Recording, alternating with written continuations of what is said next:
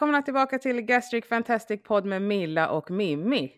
Nej men hej hejsan allihopa, vi har en gäst idag, eh, Kajsa. Så vi tänkte Kajsa att du ska få presentera dig själv, lite vem du är och vad du jobbar med och, och så, så att våra lyssnare får veta lite mer om dig. Mm. Eh, ja, men eh, tack så jättemycket för att jag får vara med. Eh, Kajsa Järvholm heter jag, är psykolog, eh, Eh, har jobbat eh, på barnöverviktsenheten i Malmö sedan 2007. Eh, och ja, parallellt med att jag har jobbat kliniskt och träffat patienter så har jag också forskat och då har jag framförallt forskat på ungdomar med svår obesitas som genomgår obesitaskirurgi och tittat på ja, men hur mår de innan och efter sin operation. Och sen har jag också gjort eh, lite forskning på vuxna som har blivit eh, genomgått obesitaskirurgi och sen har jag lyckats eh, ja, vara med på en massa olika ställen. Så jag har varit med och tagit fram de här eh, nya nationella riktlinjerna som finns för vård vid obesitas och också det här nya nationella eh, programmet som finns för eh, behandling av barn obesitas. Och så är jag ordförande i en lokal expertgrupp i Region Skåne som, ja, där vi samordnar olika obesitasfrågor. Så att jag gör lite olika saker. Nice ju! Ja. Det är jättebra. Men jag tänker där med, med forskningen just som du, som du gör och att du jobbar mot uh, ungdomar med, med obesitas. Alltså hur, hur vanligt är det att de opereras? Är det mycket minderåriga om man säger som genomgår operation? Det är ju inte jättevanligt, eh, utan det är eh, en ganska liten selekterad grupp som gör sin operation eh, före 18 års ålder. Vi publicerade ju ganska nyligen en studie där vi hade, tittade på psykisk hälsa hos alla under 21 år som var, blev opererade mellan 2007 och 2017 och det var ju ungefär 1500 Eh, personer och då var ju majoriteten av dem hade ju fyllt 18 när de gjorde sin operation så att det är ju inte ett jättestort antal. Sen tänker jag att det vi kommer fram till om de unga som blir opererade är väldigt lätt att föra över på unga vuxna som blir opererade till exempel och det är ju en ganska stor grupp. Men hur är, hur är det med eh, alltså, den psykiska hälsan och ohälsan? För att jag tänker bara jag och Milla i den här podden pratar ju ganska mycket om, alltså vi har ändå levt i 30 år i våra tidigare kroppar.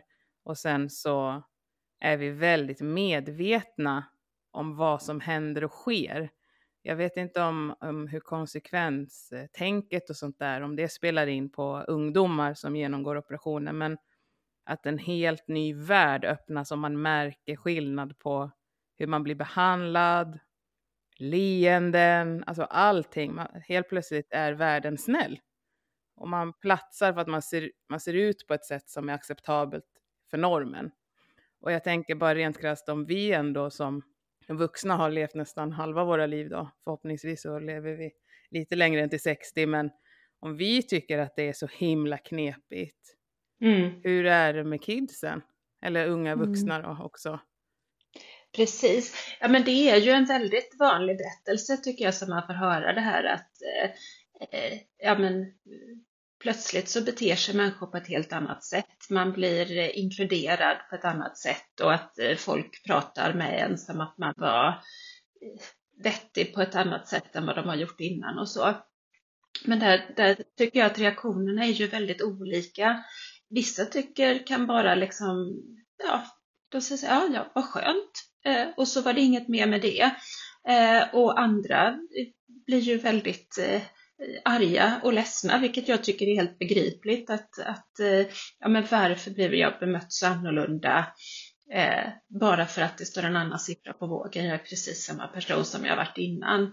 Men det, det, det är rätt olika hur mycket liksom hjälp man behöver att bearbeta det. Ja, alltså jag tog hjälp med samtalsterapi då för att jag kände att jag kan inte hantera mitt nya värde då jag inte tycker att jag jag ska få ett nytt värde bara för att jag har krympt i kroppen. Liksom. Så att, eh, men, eh, men jag tror att det bottnar ju sig någonstans också i självkänsla. Att man, ja, så den växer ju med att man får prata om det. Eh, lite så.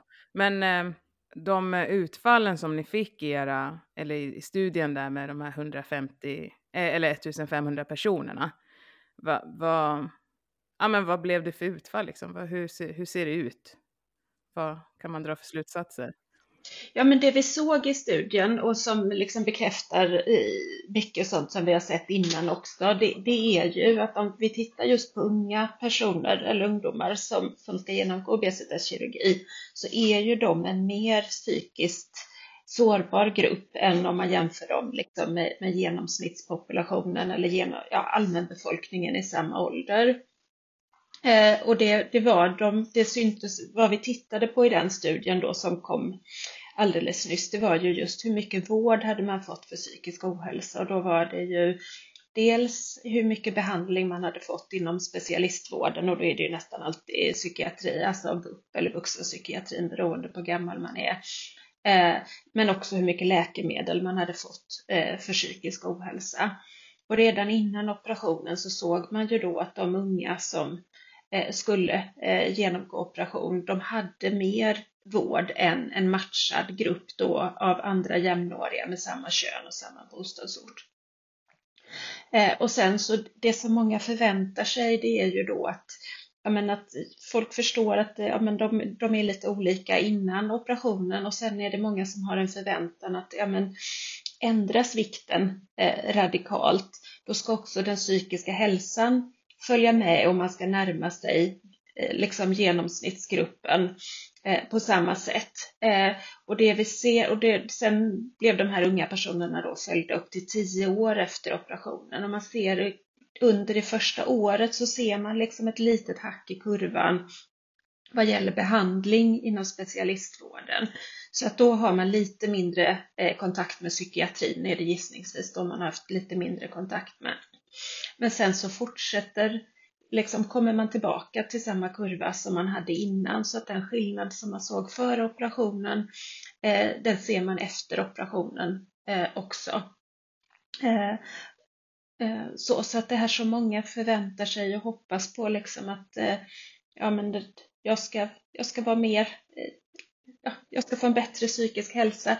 Så, så verkar det inte vara om man tittar på det på gruppnivå. Sen så finns det såklart enstaka individer som får en bättre psykisk hälsa och det finns det i vilket material man än går ut och tittar på så följer man många så kommer man hitta en del som mår bättre och en del som mår sämre. Men tittar man på den stora Eh, grupptrenden så, så verkar det inte för de flesta formerna av psykisk ohälsa så verkar det som att, att operationen gör vare sig från eller till. Den gör det inte bättre, men den gör det inte sämre eh, heller. Eh, sen så såg vi ju också det här som man har sett och rapporterat ganska länge om från, från vuxna som har blivit opererade, att det finns en Eh, ökad risk för alkoholberoende, att, att den risken att få en sån diagnos, för det var ju det vi kunde titta på, eh, den, där ändrade kurvan liksom sin, eh, sitt utseende och ökade mer brant efter operationen än vad den hade gjort innan för de opererade då. Har, man, har, man, har man i det där man har sett en att det ökar med alkoholberoende. Har man frågat där om det, om det är att man använder alkoholen som en substitut för maten som man inte kan trösta sig med på samma sätt? Liksom att man kollar. Jag vet inte om, om det är korrelation eller samband, alltså vad man kallar det i, i studier. Mm. Precis. Alltså det är ju en väldigt vanlig tanke man får då, som många får, att har, men har man haft ett matberoende innan till exempel, som man byter mot ett alkoholberoende. Men man har inte hittat något riktigt stöd i forskningen för den eh, hypotesen. För tittar man på de här riktigt gamla eh, operationsmetoderna som fanns där när man mer liksom satte ett band runt magsäcken. Så de som blev opererade med den metoden, de hade ingen ökad risk mot allmänbefolkningen att utveckla alkoholberoende. Medan tittar man till exempel på gastric bypass så ser man risken och det, här, det som man tänker då, den hypotes man hittar mest stöd för, eh, det är ju att man förändrar anatomin i magen och då får man också ett annat upptag av alkohol så att man blir berusad fortare eh, och effekten sitter kvar längre. Även om rent anekdotiskt hör man ju en del som berättar att de känner att de både blir berusade snabbare och nyktrar till snabbare men går man in och mäter liksom alkohol i blodet så verkar det som att man egentligen har kvar alkohol i blodet längre när man dricker som opererad. Eh, så att eh, så. Eh, sen så finns det en del som ju också har hypotesen att ja, ja, men man kanske går ut mer, man blir mer social, hamnar i mer sammanhang där det finns alkohol och så vidare. Men, men mest stöd hittills har ju den hypotesen att, att det är den förändrade fysiologin som förklarar varför eh, risken ökar. Eh, men sen är det ju, det finns ju massa saker fortfarande som, som vi inte vet och som man behöver ta reda på eh, ännu mer. Ja, jag tycker det är bra att det, att det forskas och man testar och ser vad det kan vara. Ibland så kan man ju känna igen sig, alltså själv som opererad och ibland så känner jag inte igen mig. Precis som det här med alkoholen här nu, eh, eh, så har jag känt när, när jag drack då att jag blev brusad snabbt, men om jag inte, som jag brukade kalla det, underhöll det så avtog ruset liksom. Eh, så att, eh, men det jag kunde känna var att alkoholen var väldigt ångestdämpande. Jag har ju aldrig tidigare känt att min ångest dämpas när jag har druckit alkohol, men efter operationen så kände jag ett lugn på ett annat sätt. Och då kände jag att det här kan jag inte fortsätta med, jag måste sluta dricka alkohol, för det här är ju inte bra. liksom. ja, så att eh, men det är ändå intressant med, med hypoteser och studier och Eh, lite så. Men jag tänker, har, du har ganska bra koll på, eller ganska, du har väl väldigt bra koll på eh, ätstördhet också i kombination med Ja men, ja men till viss del, absolut. Sen så är ju det ett väldigt eh, underbeforskat område, eh, måste man säga, för att, eh, att väldigt mycket av ätstörningsforskning, ätstörningsprat och så vidare utgår ju från anorexi eh, och bulimi eh, och också de metoder som vi har tillgång till för att fånga ätproblem problem eh, hos personer är ju oftast utvecklade för att fånga anorexi och bulimi. Och ibland och det är ofta de formulären som vi får använda när vi träffar patienter. Och ja, men en del av de frågorna känns ganska märkliga när man ska då till exempel innan en operation så kan ju frågor handla sådär, ja men har du en önskan om att gå ner i vikt? Eh, ja, det, det har man ju om man söker sig och vill ha en operation. Medan om man frågar en väldigt liksom eh, mager person som fortfarande säger så här, jag önskar att jag ska gå ner i vikt, då är ju det ett problem. Men, men hur ska man tolka det om man är på en obesitasmottagning till exempel? Eh, så. Eh, eh, så att, eh, eh, ja, men en del koll, men också jättemycket kvar, tänker jag, i ett område och, och där vi behöver utveckla oss mycket mer och där jag eh, och mina kollegor också håller på och funderar tillsammans, ja men hur ska vi göra det här på ett bra sätt? Och vi har lite kontakt med forskare eh, från USA som har kommit längre för att liksom kunna utbyta eh, erfarenheter eh, med dem. Men det är ett jätte, också där liksom kan jag fascineras av att det finns eh, så mycket idéer men, men så lite kunskap. Vissa, vissa blir, liksom när man pratar med folk i allmänbefolkningen eh, så kan det vara så att ja, alla med obesitas har en ätstörning. Eh, till exempel är ju en vanlig föreställning och så kan man säga nej men, nej men så, så är det verkligen inte. De flesta med obesitas har inte en ätstörning. Men det finns de som har det, de är lite fler än i liksom, allmänpopulationen. Men hittills är vi alldeles för dåliga på att eh, hitta dem och hjälpa dem mm. Eh, på ett bra sätt. Ja, alltså jag tror någonstans, alltså någonstans är det ju också eh, att när du har en osund relation till mat så är det mm. ju absolut ingenting du skyltar med. Alltså det är ju så skambelagt och ens egen hemlighet. Alltså Ibland köper man ju maten och äter upp den innan man har kommit hem för att det inte ska finnas bevis på att man har ätit det. Alltså mm. så att det är ingenting man skyltar med att så här, ja men jag är överviktig och obesitas och jag har en ätstörning. Ska vi prata? Mm. Nej, det händer ju inte. Nej, nej. Nej, nej. så det förstår jag att det är ett mörkertal där. Så att... Mm. Men också jättesvårt, tittar man nu liksom på vad, vad säger modern forskning så pratar man ju väldigt mycket om obesitas som en aptitsjukdom.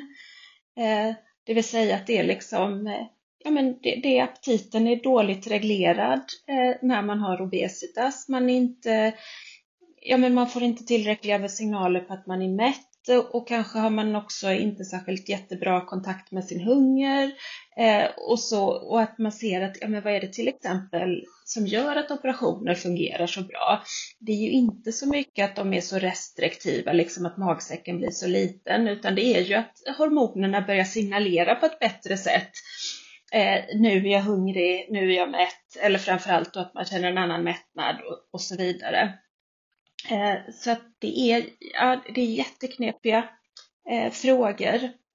Men ja, ni hör, jag kan någonstans... prata hur mycket som helst. Ja. ja. men jag tycker det är jättebra. Det är så intressant. ja, det är jättebra. Men jag börjar ja. också tänka, liksom, eftersom att jag själv är opererad, så kan jag mm. tycka mm. att om man bara pratar om att det inte har med restriktion av mat att göra, så, mm. så, så, tror jag ändå att man är ganska långt ifrån verkligheten.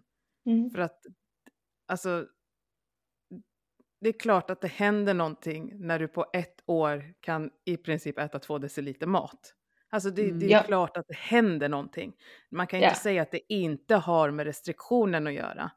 Nej, Sen, men, nej, men det man menar, mm. Ja, bara för, för att förtydliga, det är klart att det blir en restriktion, men det är inte att magsäcken är så liten, utan att det är att när man äter och mäter hormoner i, att man får liksom så starkt påslag av mättnadshormoner så att det, det blir obehagligt att äta, så att det är liksom inte själva, ja. Ja, nej, nej men precis, ja. men jag tänker någonstans att nu mm. efter, när jag, jag är ändå fyra år opererad, och om jag ska jämföra med i början, då var det ju både att det tog det var, det var trångt och det tog stopp och jag fick en mättnad på ett sätt som jag inte kände med vanlig mage. Men idag är ju min mättnad mer lik när jag hade vanlig mage, men jag kan inte äta lika mycket. Så, så att det är ju någonstans där mitt emellan liksom. Ja, ja. Mm, jag håller med, jag håller med. Och jag är ju slivad, så att, uh, jag, mm. jag, håller med där. Att det är ändå så här, det var, och signalerna var ju mycket tydligare alltså, i början och, och så. Men men sen så nu så, ja men liknar ju mättnadskänslan mer vad den gjorde innan operation. Uh, bara det att man får inte i sig lika mycket, men det är samma känsla som man hade innan när du, blir, uh, när du börjar bli mätt liksom. Jag tycker det ändå är väldigt häftigt att om man tänker på portionsstorlek, bara, även om man åt en eller två, vissa kanske åt tre gånger om dagen, men alltså volymen av mat som man åt då med, även om det är små portioner och ofta idag så är det ju inte, för mig är det inte i närheten av samma typ av volym. Men att jag ändå har energi. Alltså jag tycker det är så ballt för att jag fattar liksom inte riktigt hur det går ihop. Och jag tycker det är ashäftigt för att jag kan ju, jag orkar studsa och träna och hålla på mer idag än vad jag orkade då. Men jag hade ju egentligen mer energi i hela kroppen då än vad jag har idag. Och det är lite häftigt tycker jag för att jag fattar inte riktigt. Nej, ja, jo, jo, men det som också är svårt tänker jag, det, liksom också när vi pratar om ja, men vad är en ätstörning, vad är inte en ätstörning? Också om man tittar mycket på liksom, ja, men, men, ja, men tonåringar som jag har jobbat mycket med. Eh, och så, så tänker jag att, att ja, men har man obesitas så, så blir det så lätt att man tittar på allt sitt ätande som att det här är ett problem eller nu gör jag någonting som är konstigt eller någonting som är ovanligt. Och så, ibland tänka sådär, ja men man skulle gå ut och titta på normalviktiga barn och se Eh, eller ungdomar då framför allt och titta, för jag brukar roa mig ibland när jag är i affären och titta, men vad köper liksom tonåringar som ska ha det lite trevligt? Och, Alltså de kan köpa helt enorma mängder med eh, ja, men, eh, chips och kakor och godis och, och hej och hå. Eh, och ja, men har man inte problem med vikten, då är det ingen som säger sådär, oj, nu ska de hem och ha liksom en hetsätningsepisod eller eh, Eh, eh, någonting sånt, utan man säger, oj, kolla tonåringar så de äter.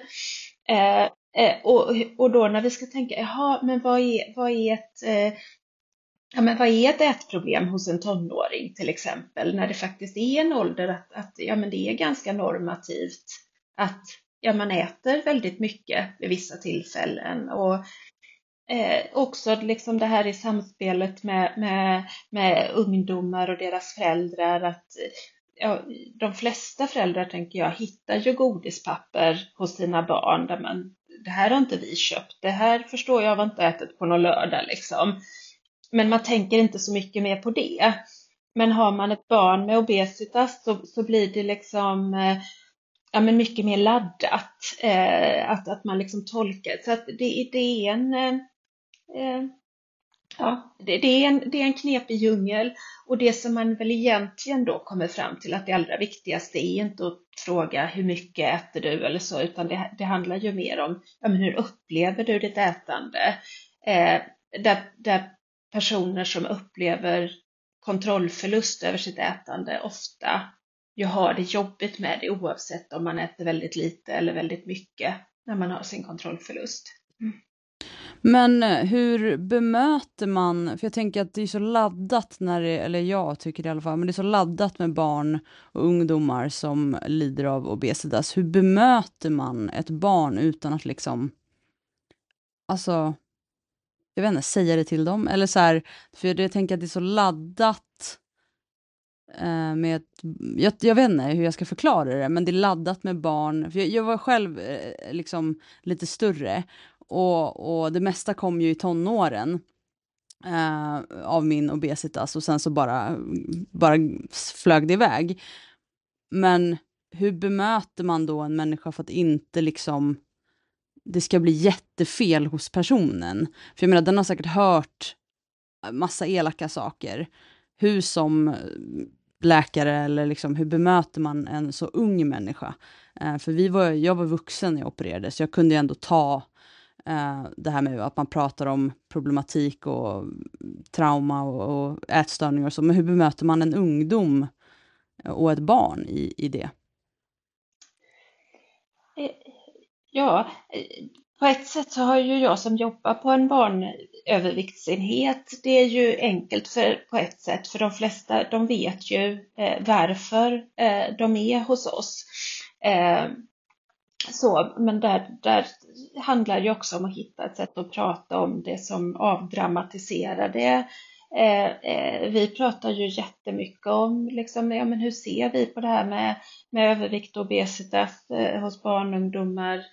Vi tänker jättemycket att, att eh, ja, men alla människor har olika kroppar. En del kroppar är extra känsliga eh, som har extra lätt för att gå upp i vikt. Har man extra lätt för att gå upp i vikt så behöver man mer än andra tänka på vad, ja, men vad äter man, hur mycket äter man, vad dricker man och att kroppen behöver röra på sig för att bli frisk och pigg och stark. Men att man har den kroppen man har och att man ska leva med den på ett sätt som inte blir för svårt eller för krångligt. Och så får man ju sen då titta på varje enskild person, liksom, var befinner den sig? Vad, vad är liksom en lagom intervention mm. att göra där? Um, jag tänker hur mycket har det socioekonomiska, alltså hur mycket spelar det in liksom och kanske vart man bor och liksom förorter eller innerstan, hur mycket man är i föreningsliv, alltså hur mycket spelar sånt in? Har ni, har ni kollat något på det? Alltså socioekonomi vet man, man betyder ju jättemycket när det kommer till eh, obesitas och barnobesitas, att det är ju väsentligen vanligare i socioekonomiskt utsatta eh, områden. Eh, så, eh, om man tittar i städer, socioekonomiskt utsatta områden, vanligare på landsbygden än i storstäder eh, och så vidare. Jag kan tycka det är intressant eh, ibland att man, eller att man säger, men det finns ju ofta extrema ytterkanter där ena sidan säger att det finns inget som heter obesitas och det är matfrihet och eh, känn efter det med din mättnad och hunger så blir allting jättebra. Och så har vi den andra sidan som eh, säger bara ät mindre och rör på dig mer, det blir jättebra. Eh, och någonstans här i mitten tänker jag så här att fast alltså någonstans från att du föds till att du blir i alla fall typ 15 bast så bestämmer ju inte du heller vad för typ av mat som du äter. Ja. Och, och, då kan jag tycka att det blir så hårt att sen säga till individen så här, men du måste röra på dig mer och äta mm. mindre. Mm. Mm. Men jag har ju ätit utefter de förutsättningarna jag satt i livet till. Liksom. Så att det, det, blir så komplext när man också ser obesitas som en karaktärsbrist. För det är ju Ja. liksom inte det det är och jag vet inte hur Nej, man ska kunna nej. utbilda för att det ska komma ut till alla. Nej, nej, nej. Och det, det, det finns ju, det, det stöter, kommer ju hela tiden att det är fortfarande extrem kunskapsbrist och väldigt mycket stigmatiserande och nu har det ju kommit mycket nya läkemedel och tittar man på hur debatten blir runt det liksom men, men ska människor med obesitas få läkemedel kan de inte bara äta lite mindre? Alltså att det finns Ja. jättemycket sådana tråkiga eh, strömningar. Mm. Jag tycker också de ställer två sjukdomar ibland mot varandra. Både diabetes och obesitas. Och någonstans är det så här, den som behöver läkemedlet behöver läkemedlet. Punkt slut liksom. Så att, eh, eh, och det, men där blir det ju, jag, jag är inte, jag vill tro att just det här med läkemedlen kanske har blivit en grej för att det har också blivit kallad någon typ av Hollywood-viktnedgång. Mm. Att Mm. de som kanske inte ens har obesitas har Mm. fått den här, det här läkemedlet.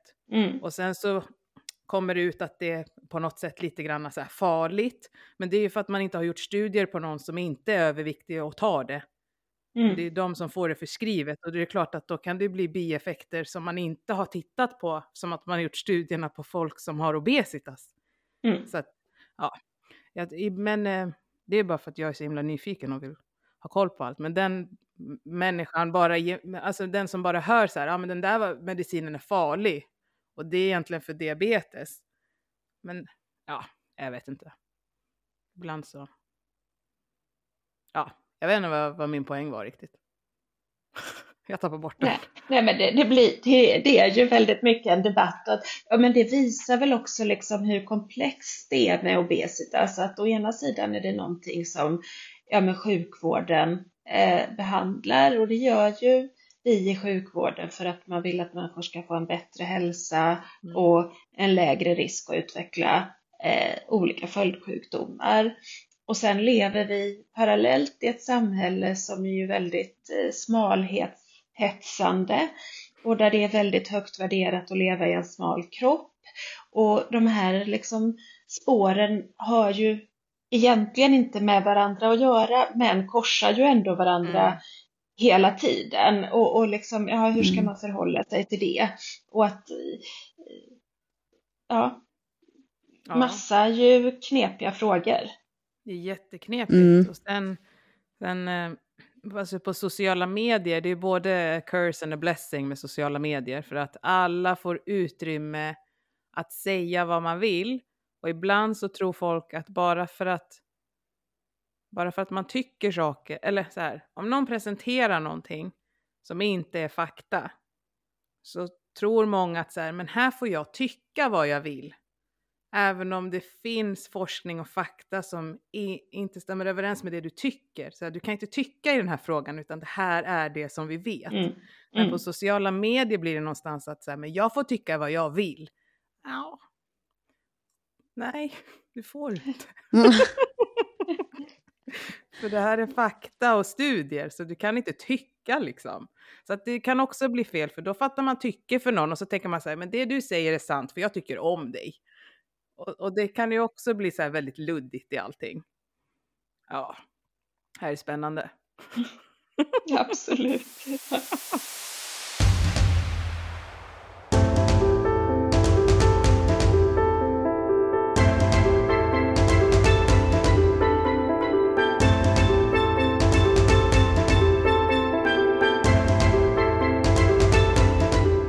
Men de här riktlinjerna som du har tagit fram då.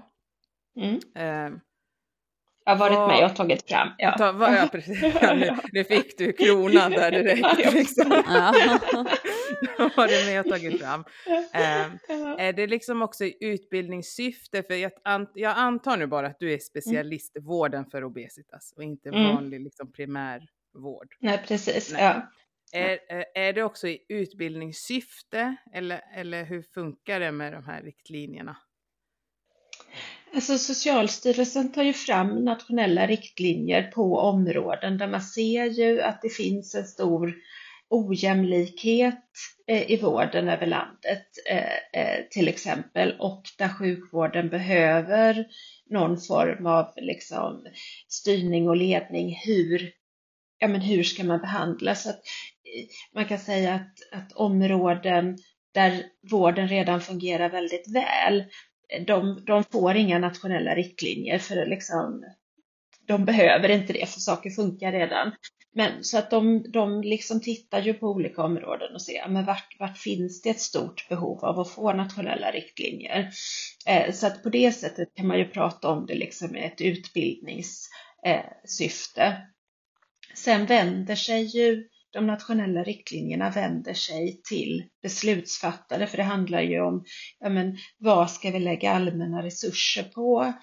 Eh, eh, vad, vad, är meningsfullt att göra? Eh, så, att, så att där är det ju då eh, ungefär 20 riktlinjer. Allt från det här att, eh, ja, men att man har rätt att få sin eh, ja, men, men en eh, diagnos, utredning och så då olika former av behandling och långtidsuppföljning. Men, men också så genomsyras ju hela riktlinjen också av att eh, ja, men kompetensen kring obesitas i vården behöver höjas.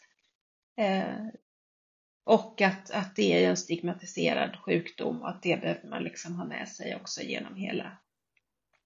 Ja, Ja, alltså, verkligen. Alltså, verk, alltså stig, för att jag, om jag har förstått det här rätt nu, liksom, stigma är ju någonting jag känner på grund av hur jag upplever att jag blir bemött. Alltså, ja. för att två personer kan ju uppleva ett bemöta, ett sam, samma bemötande på två helt mm. olika sätt. Mm. Mm. Liksom. Um, så att uh, det är ju bra då att läkare och uh, professionen eh, kanske jobba på samma sätt att just bemöta. För att det inte ska bli högt och lågt och olika. Eh, så. så att, eh. Men har ni, det här med, jag vet att det har varit uppe mycket, liksom, alltså BMI och mätning och alltså har ni, eh, finns det någonting där att BMI alltid ska eh, vara tillsammans med ett midjemått typ? Bara för att man kan säga att det här är ju någonting som, som kanske läkare diskuterar eh, och andra vårdprofessioner diskuterar ännu mer än, än, än, än psykologer. Men eh, eh, eh, det, är, det är ju liksom eh, alla sådana här gränsvärden tänker jag är ju jättetrubbiga.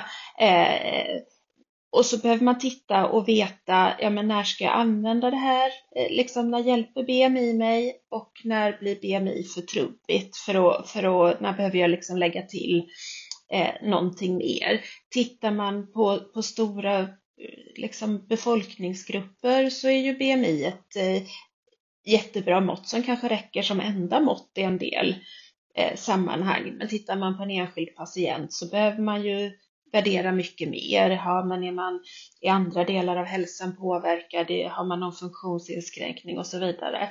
Men det är ju alla egentligen diagnoser som inte är liksom sådär antingen har du det eller så har du det inte dras ju med de här bekymren.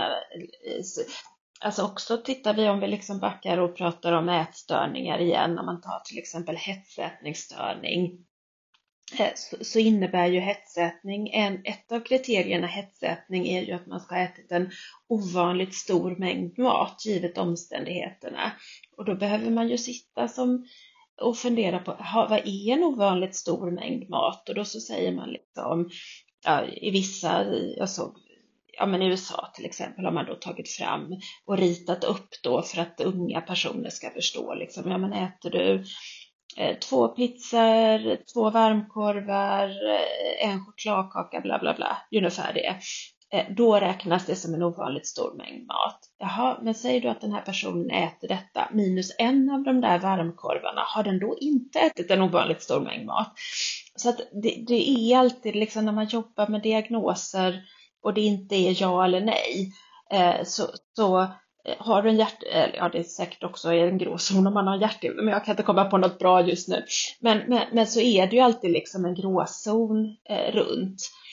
Eh, de så, är väl men ganska sen... svåra att justera för också. Alltså just om man ska ta bort de som hamnar på övervikt för att de, alltså, de kan ju ha att man hamnar på ett BMI som indikerar övervikt men att du har kanske mer muskler än fettmassa. Och sen är det de som har mer fett än muskelmassa som hamnar på normalt BMI. Alltså, och det är svårt mm. att justera för dem också. Ja, och det är väl just därför att tänker man sjukvården där man möter enskilda patienter, eh, då behöver man titta liksom och göra eh, en sån eh, bedömning och se, ja men är det här, har den här personen, personen har ett BMI över 30, ja men är personen sjuk i obesitas ja. mm. eller inte? Ja. Mm. mm. ja, för då behöver man lite mer så att man inte bara tittar på ett BMI och tittar på BMI. en kropp och gör den bedömningen. Liksom. Nej. Nej. Men jag tänker just med, med som psykolog då i, i mm. hela mm. alltihopa. Eh, för någonstans, alltså när vi har, vi har ju kört nu ett par avsnitt i den här podden och eh, jag tycker att återkommande både med gäster och personer som är opererande och i liksom rent i communityt överlag så är det mm. väldigt många som trycker på att så här yes, eh, lite grann som du sa att, att ja, men jag tänkte att när jag nu går ner i vikt så kommer också min hjärna att hänga med. Eh, finns det något liksom förslag på att det ska bli att innan du gör, innan du får operationen godkänd så behöver du göra typ, ja men tio timmar terapi, samtalsterapi eller kura kuratorsnack mm, liksom. Mm, mm. Alltså. nej, nej men, men ett bra förslag. Nej, men men eh, det, det gör det inte. Men där kan man säga, tittar man till exempel på USA, där har de allra flesta inskrivet i sin försäkring att man måste göra en psykolog, någon form av psykologbedömning eller en bedömning av psykiatriker innan man eh, genomgår sin operation. Eh, och det kan man väl tänka då, ja men det, det kanske är bra. Å andra sidan så kan man säga att eh, så kan man fråga sig, är det det absolut bästa man skulle kunna göra? Jag tänker mycket, för då i början var det mycket så här att då skulle psykologer sitta och bedöma, den där ska gå igenom operation, den ska inte göra det och så vidare. Och då kan man säga, ja, men men man får ha väldigt starka skäl, tänker jag, att säga att någon inte ska bli opererad så länge det är den absolut effektivaste metoden som finns tillgänglig på grund av någon annan anledning. Eh, och där tänker jag att det kanske är mycket bättre att lägga lite grann av resurserna innan, att liksom ja, men få prata med, med se ja, men hur mår man, har man någonting, något bekymmer som man behöver ta tag i. Eh, men också faktiskt ännu mer resurser skulle jag tycka att man skulle lägga efter operationen och på lite sikt efter operationen så att man Ja men så, ja men vad löste sig? Kanske har man en del bekymmer som löser sig efter operationen. Ja men vad bra, då behöver man inte göra så mycket åt dem. Ja men vad har inte löst sig? Eh, ja men hur ska man tänka kring det? Vad ska man göra eh, eh, åt det? Så det tänker jag utifrån ja, men de patienter jag har träffat och liksom den forskningen jag har varit med och göra själv och också läst, att, att det skulle vara det allra bästa faktiskt att kunna erbjuda. Och också ja, men kunna skrina ganska mycket, att det ska vara lätt att få fylla i ett formulär och prata med någon lite snabbt och sen så ser man ja men alla som, som har det bra, de behöver liksom inte bli inkallade på, utan att man faktiskt får lägga resurserna på personerna som eh, kämpar och har det tufft. Ja. Mm. Jag tänker generellt eh, kvinnor som gör den här operationen också. Nu absolut männen med, men nu är jag själv kvinna och kan bara utgå från mig. Men just det här att man, alltså det är ju ganska hög andel som skiljer sig och lämnar förhållanden. Bara den grejen att vara, först och främst går man ner i vikt, sen hamnar man i en värld som är snäll och sen ska man lämna något som man har ansett vara sin trygghet. Och det finns ingen att prata med. Eh, liksom så. Så att jag tror att, eh, alltså jag kan ju skriva under om ni startar någon insamling på att man ska ha mm. eh, samtal efter. Mm. Eh, det, jag tror att det eh, behövs verkligen. Och alla som vi har snackat med säger ju liksom att man är inte beredd på de smällarna som väl kommer när man inser att ah, det här var en operation i magen. Det var inte en operation i hjärnan och min hjärna behöver hjälp nu. Mm. Liksom. Mm. Ja. Så jag tror att det är jättebra. Eh, är, det på, är det på gång eller? Nej, tyvärr, tyvärr. Ja, ja, ja, men jag försöker verkligen, alltså lite, lite jobbar vi sakta men säkert. För ungdomar är det ju så, där, där ingen under 18 år, vad jag vet i Sverige, blir opererad utan att man åtminstone har gjort en psykologbedömning innan. Just för att kunna se och också kunna prata om de här förväntningarna och att eh, eh, ja, men hjälpa till att bena lite. Det här tror jag du kommer känna dig väldigt hjälpt med efter operationen Eh, att du tänker så här om dig själv. Det finns ingenting som vi vet att, att operationen kommer göra åt det. Vad behöver du också? För att just det här med vikt, det är också så lätt att tänka, ja, men antingen ska jag jobba med vikten eller så ska jag jobba med det här. Och att istället tänka att ja, men vikten behöver jag jobba med för hälsans skull och få behandling för det. Och det här andra behöver jag jobba med parallellt. Eh, eh, så. Sen tänker jag vissa saker kan jag tycka är väldigt positiva att jobba med innan just det här. Ja, men ibland möter man ju ungdomar som har ett väldigt undvikande beteende. Att eh, jag får inte gå dit, jag får inte vara med på det här på grund av min vikt, jag får inte göra ditt, jag får inte göra datten. Eh, och att kunna jobba ett tag med då innan att ja, men kan du börja försöka göra det här i alla fall? Så att man inte får med sig en bild av att ja men det här får jag bara lov att göra vid en viss vikt.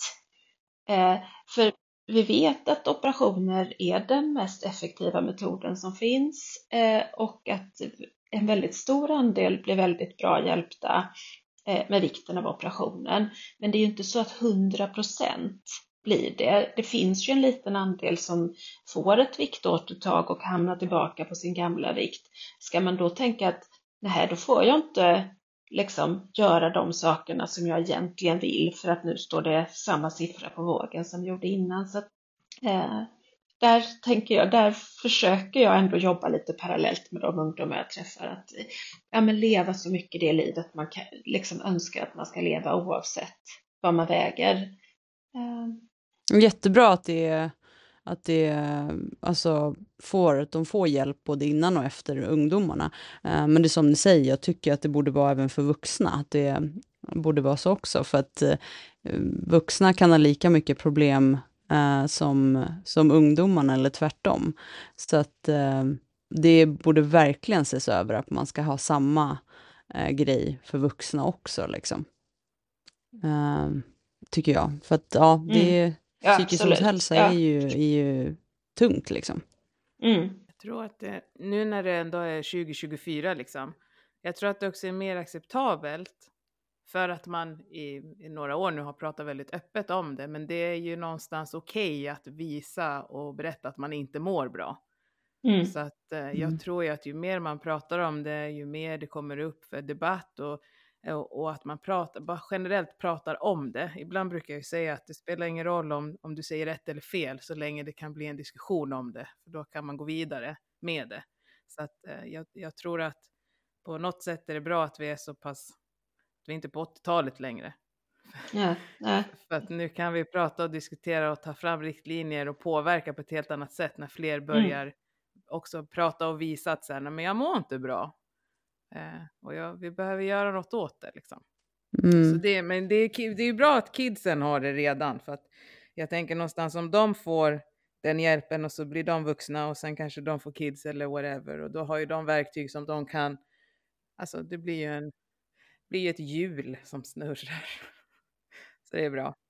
Ja, sen skulle man ju verkligen kunna önska att man kunde bygga ut det bättre och det hoppas jag ju att vi kan göra eh, framöver.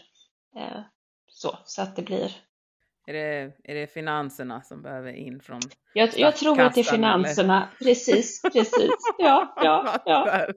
ja. Vi får gå till riksdagen och knacka på och säga tja, vi har ett förslag här. Ja, ja. absolut. Ja, visst alltså. Har du nå, någonting som du känner att du vill att de som lyssnar ska ta med sig? Så här, Kajsas visdomsord. Nej, nej men det, jag, jag tänker, ni har ju sagt så väldigt, väldigt mycket kloka saker, men, men, men, men just, just faktiskt det här att eh, eh ja, ja, men socialt stöd tänker jag också efter, en sån här operation att, att mm. eh, eh, ja, men, men också faktiskt berätta om både, både det som är väldigt bra och också det som man kämpar med, att kunna vara öppen med det. För det, det finns ju också ibland, pratar man just om kirurgi sådär att eh, eh, ja, men liksom att det finns något slags fairytale eh, mm. berättelse runt det. Att eh, ja, men en del postar mycket bilder sådär och innan det var så jobbigt, det var så hemskt, kolla nu, nu är det eh, så här och att, att personer då så ja, men riktigt sådär blev det inte eh, för mig. Eh, ja, jag väger mindre men jag kämpar fortfarande med det här och det mm. här. Att, att faktiskt, alltså ju mer öppenhet eh, tänker jag, eh, mm. desto bättre. Att, att liksom mm. kunna dela både det som är väldigt positivt och också ja men vad fortsätter man kämpa med? Mm. Så.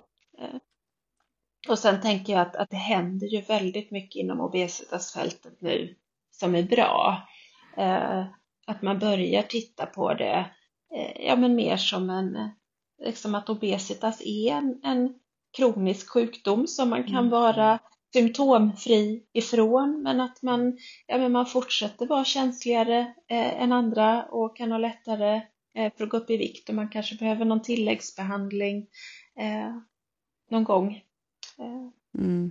Alltså jag, håller, jag håller verkligen med dig om att det kan eh, glorifieras och att det, det liksom, eh, alltså det smeks väldigt mycket medhårs eh, på något vis. Att just som du säger med före och efterbilder, om man eh, pratar väldigt mycket om att så här, ja men som du, precis som du säger, att så här, det var tungt och det var det. Det är det som är för många. Det var så här väldigt tungt innan, det är inte lika tungt längre, men eh, eh, jag tror, eller så vet jag inte, men, men jag har nog aldrig haft så mycket här, alltså i huvudet som jag har nu, som jag inte kan sortera själv.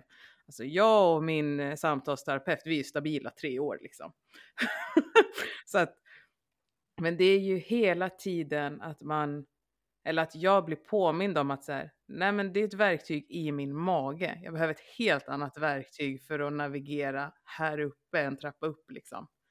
Eh, och det tycker jag att eh, generellt, eh, eller ganska många är ganska bra på att dela eh, online eh, ändå. För det är ofta att man är glad över viktnedgången, men sen är det den här psykiska biten som, är, som man tragglar med liksom. Så att eh, fortsätta vara ärliga där, det var väldigt bra ord Kajsa. Ja, verkligen. Ja, nej men eh, tack Kajsa. Uh, ja. för att du ville vara med i våran podd och sprida kunskap. Det uppskattar vi verkligen. Verkligen. Ja, men tack så jättemycket. Jättetrevligt att få prata med Ja, ja det gick så snabbt. Ja, verkligen. ja, verkligen. ja. ja, men nice då. Men uh, tack för att ni har lyssnat även denna onsdag och så hörs vi igen nästa vecka. Och tack igen Kajsa. Tack så mycket. Tack. Ha, ha det bra. bra. Hej. Hej.